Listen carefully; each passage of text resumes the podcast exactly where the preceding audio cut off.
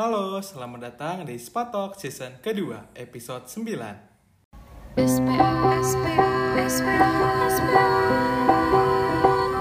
Selamat datang di SPA Talks. Hai semuanya, gimana nih kuliahnya? Kalau gue sih harus banyak-banyak mengalah napas kali ya, soalnya banyak banget tugas, kuis, proses, dan kegiatan lainnya.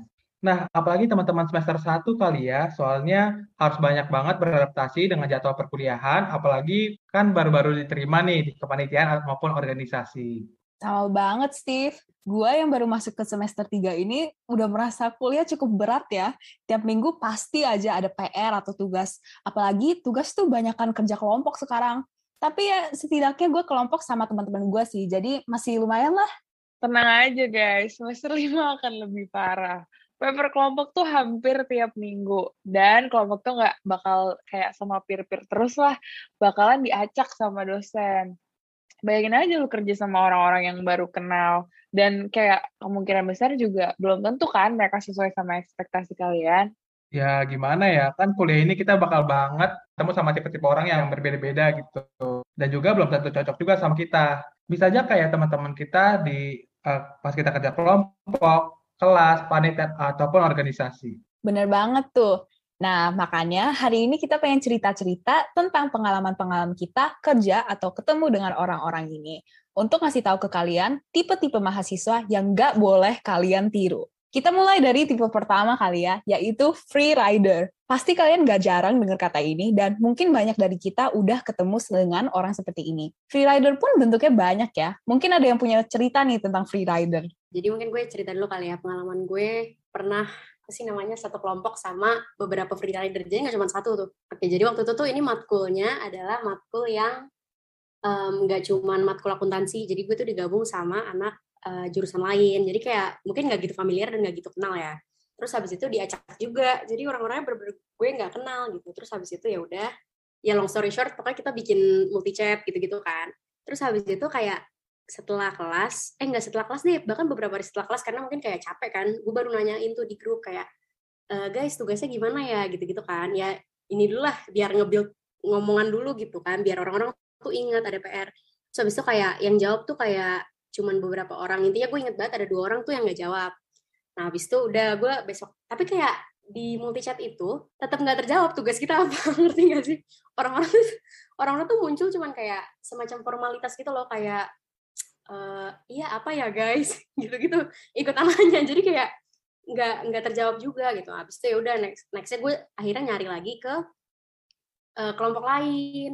Habis itu gue kasih tahu tuh di grup tugasnya ini ini ini terus habis itu tetap aja yang jawab itu itu aja dan kayak nggak memberi progres gitu. Nah habis itu akhirnya gue udah start ngerjain. Terus habis itu gue minta teman-teman lain dong kayak guys jadi gini gini gini ya.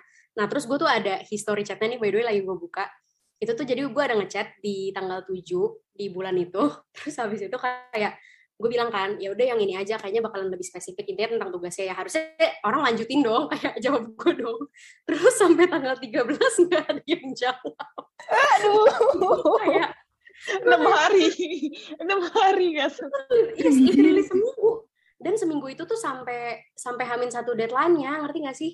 Kayak harus separah itu lah Terus habis itu bahkan di tanggal 13-nya itu tuh gue lagi yang mulai ngomong, ngerti gak sih? Kayak, guys, jadinya gimana ya? Gitu-gitu.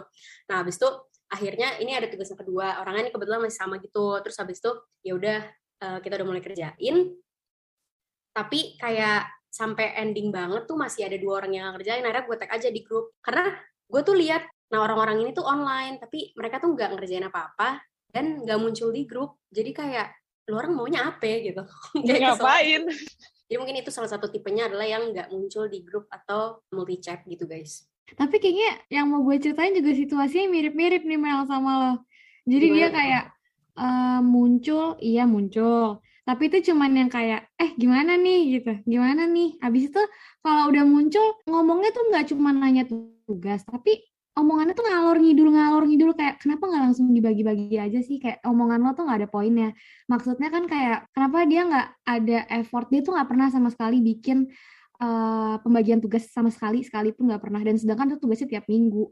Jadi menurut gue kayak ya emang dia males aja. Terus giliran dibagi dan dia dapat yang agak dia nggak suka, dia kayak eh ya gue dapetnya ini. Menurut gue kayak ya walaupun sebenarnya kerjaannya selesai sih bagian dia karena emang udah dibagi-bagi.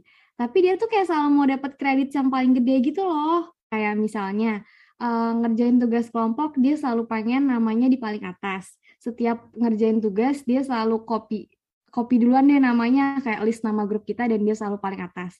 Udah gitu uh, dia juga kalau misalnya lagi apa ya ngerjain tugas misalnya udah bagi-bagi tugas gitu, terus dia selalu pengen yang ngumpulin. Padahal kadang tuh belum selesai tugasnya, tapi dia selalu pengen yang ngumpulin. Bener nih, ini sering terjadi di semester-semester atas. Apalagi semakin ke sini tuh kayak kelompoknya tuh dipilihin lah, bener kata Manda sama Melisa. Dan gue ngalamin kayak persis banget ngomong terus di grup, tapi outputnya tuh gak ada gitu. Padahal kalau misalnya udah makin ke atas ya, jatuhnya kan e, ngerjain PPT atau paper atau apa itu sulit banget gitu loh buat di cover sama anggota kelompok yang lain dan materinya kan banyak. Kalau itu udah dijadiin kerja kelompok kan berarti itu butuh dari lebih dari satu orang kan buat ngelakuin itu. Sedangkan kalau misalnya waktu itu gue pernah dapet kelompok yang ini karena ini sudah karena mata kuliah. Gue emang gue yang lebih cepat dan itu gue dapet uh, apa anak kelompok tuh yang kayak angkating gue gitu. Bahkan sampai dua semester di atas gue gitu kan. Terus lu bayangin aja itu tuh mereka bisa ya gue gue gak ngerti gimana ceritanya. Mereka bisa menemukan berbagai macam ribu juta alasan untuk tidak mengerjakan. Kayak misalnya uh, abang gue nikah. Ya sih Jo? Abang gue nikah Wah, itu lah. itu long another long story sih. Cuma kayak alasan selalu ada selalu ada aja alasan gitu. Selalu ada. Kabur dari tanggung jawabnya gitu. Wah bener-bener gue gak ngerti lagi. Abangnya nikah pernah mati lampu hujan apalah semuanya pasti ada. Jadi kayak eh, mereka will kayak try everything to get away with it. Dan yang gue gak suka adalah eh, dampaknya tuh jadi eh, kita mau nggak mau anggota kelompok yang lain tuh harus nge-cover gitu. Karena kalau misalnya kita nggak nge-cover kan yang jelek juga nilai kelompok kita sendiri gitu. Kalau apalagi kalau kita harus presentasi, masa kita oh oh ngangong-ngangong doang kan nggak mungkin gitu. Kita harus ngomong dan harus ya maksudnya apalagi kalau dosennya bukan dosen yang kayak super duper gampang buat kayak oke bagus gitu tapi kan ya makin ke sini makin susah jadi itu juga jadi beban masyarakat ya jatuh ya benar-benar free rider itu ya emang ya emang paling deh Nah, mungkin tadi Anin, uh, Melissa, dan Amanda udah nyinggung sedikit nih tentang anak-anak yang free rider atau ibaratnya mereka tuh kayak nggak ada niat untuk ngerjain tugas-tugas mereka gitu. Nah, sekarang kita punya hal yang berkebalikan banget nih. Biasanya kita tahu orang-orang yang uh, sangat berambisius gitu. Jadi kayak mereka punya willingness to learn yang sangat amat tinggi, tapi somehow itu ngerugin orang lain gitu. Kayak misalnya apa ya, mungkin kita bisa contoh dengan teman-teman yang sangat ingin tahu dan memberikan pertanyaan-pertanyaan bagus nih ke dosen. Namun kadang itu mereka tidak bisa baca situasi. Nah mungkin teman-teman di sini mau cerita apa ya punya cerita lebih detail nggak nih maksud dari nggak bisa baca situasi itu apa? Mungkin dari gue kali ya.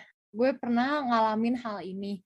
Dan ini tuh terjadinya nggak cuma di kelas biasa ya, yang cuma sekelas doang. Tapi kebetulan pada hari itu tuh lagi ada kuliah besar, kuliah yang um, adalah satu angkatan dan gak cuma satu angkatan sebenarnya ada dari angkatan lain juga gitu.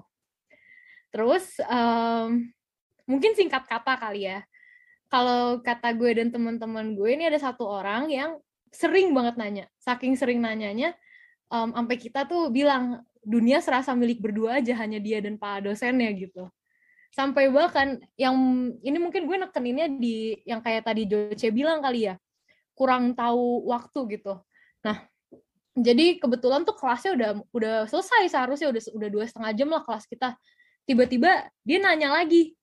Dan misalkan ya, misalkan um, kelas kita tuh materinya tentang ekonomi ya iyalah kita kan anak akuntansi lah bisnis ekonomi gitu tiba-tiba dia tuh nanyanya dengan topik hal yang lain yang gak ada hubungannya sama ekonomi sama sekali jadi misalkan kita lagi bahas ekonomi dia nanya tentang sosial gitu nah itu kan menurut gue um, rada kurang enak juga bagi teman-temannya kali ya karena kan yang ada di kelas itu tuh nggak cuma dia dan dosennya tapi maksudnya ada kita murid-murid yang lain dan itu udah di luar jam kelas sebenarnya tapi kita semua jadinya tidak bisa live kelas juga kan karena dosennya menganggap bahwa pertanyaan tersebut tentu masih harus dijawab ya karena kan dosen pasti nggak enak lah kalau menelantarkan pertanyaan.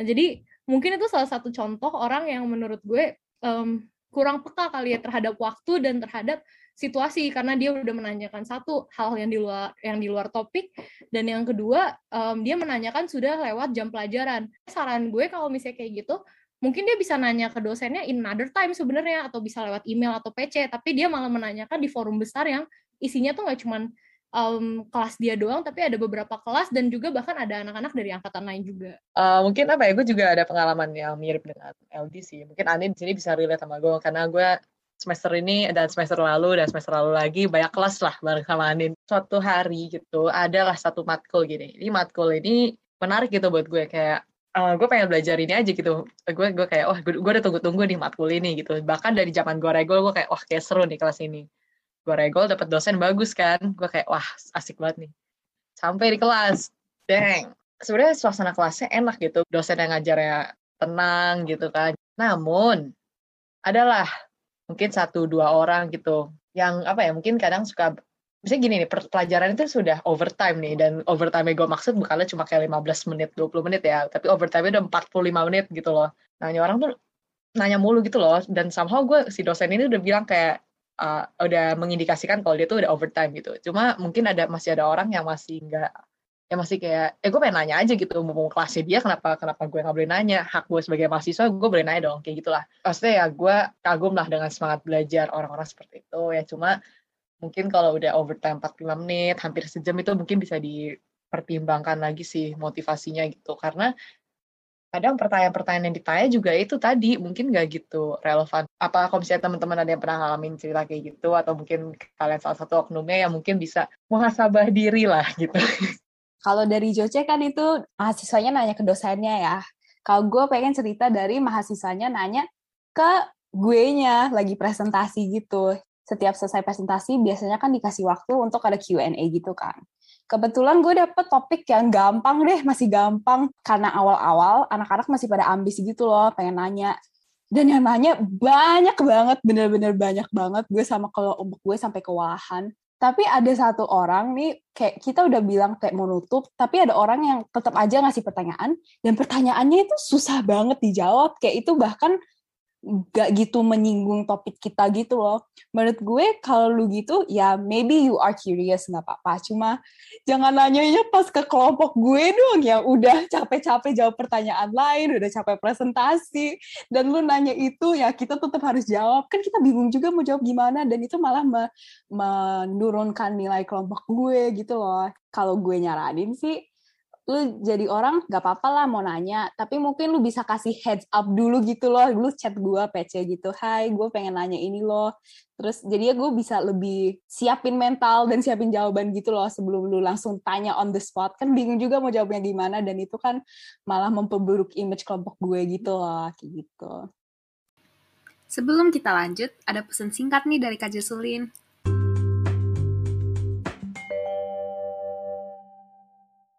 Nah, selain mahasiswa yang nggak bisa baca situasi, ada lagi tipe mahasiswa yang kalian itu please jangan tiru dan kalau kalian ketemu orang yang kayak gini, berusaha untuk lu avoid karena ini tipe orang yang bisa merugikan uh, dan menyusahkan pengalaman kuliah lo. Yaitu namanya orang-orang black ambi atau black ambitious. Nah, black ambi sendiri itu apa sih? Ada nggak yang mau bantu jelasin?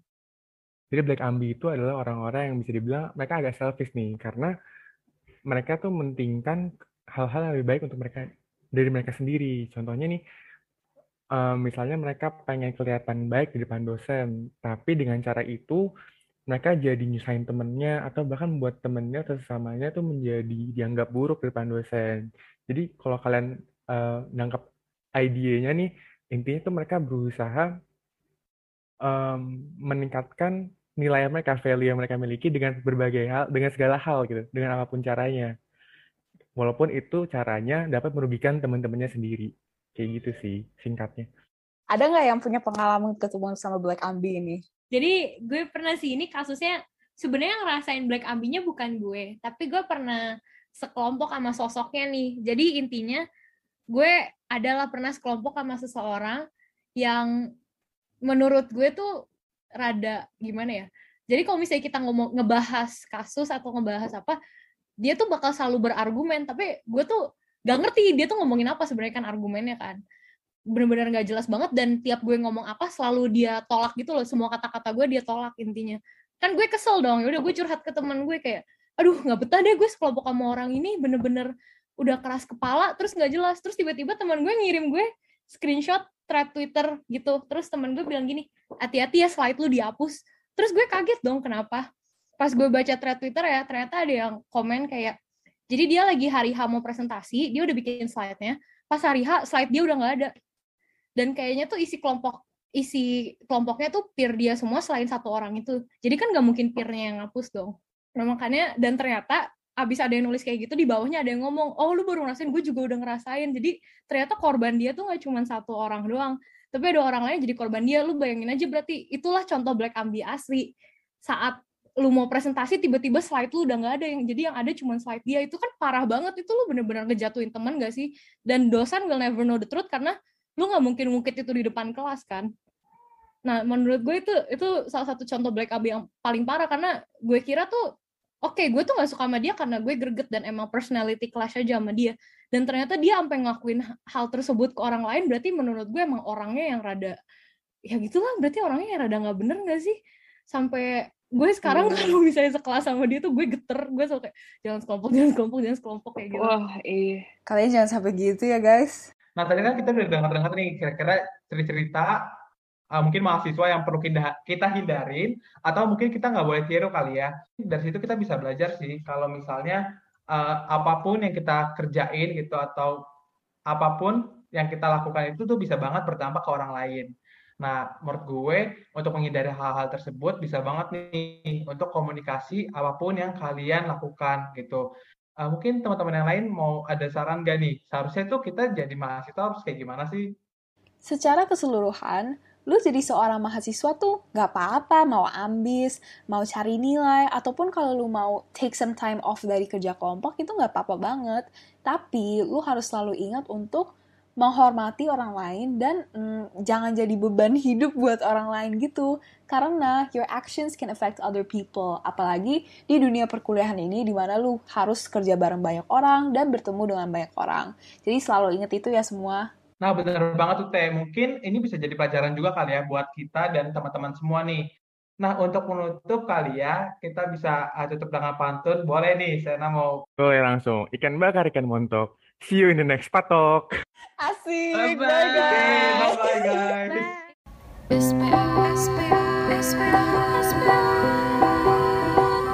Selamat datang di SPA